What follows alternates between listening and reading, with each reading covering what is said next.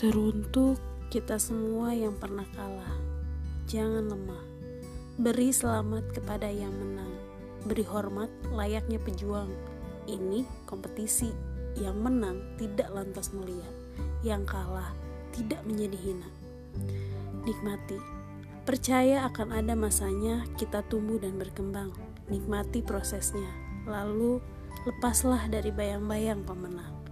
Viko Fahriza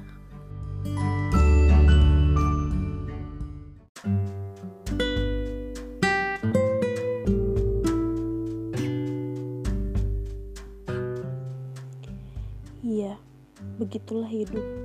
Kita tidak harus bersalah untuk dihianati. Beberapa orang memang punya sifat menjatuhkan.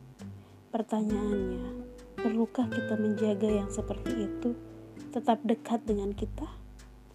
Berteman itu menyenangkan, berkorban untuk teman, mungkin rasanya setara dengan menjadi Iron Man. Karena hal itu memang membangkitkan jiwa pahlawan. Masalahnya adalah tidak ada yang mengharuskan kita untuk jadi sosok pahlawan itu terus-menerus. Kenapa memaksakan diri? Jaga yang baik, jaga jarak dengan yang tidak baik. Viko Fahriza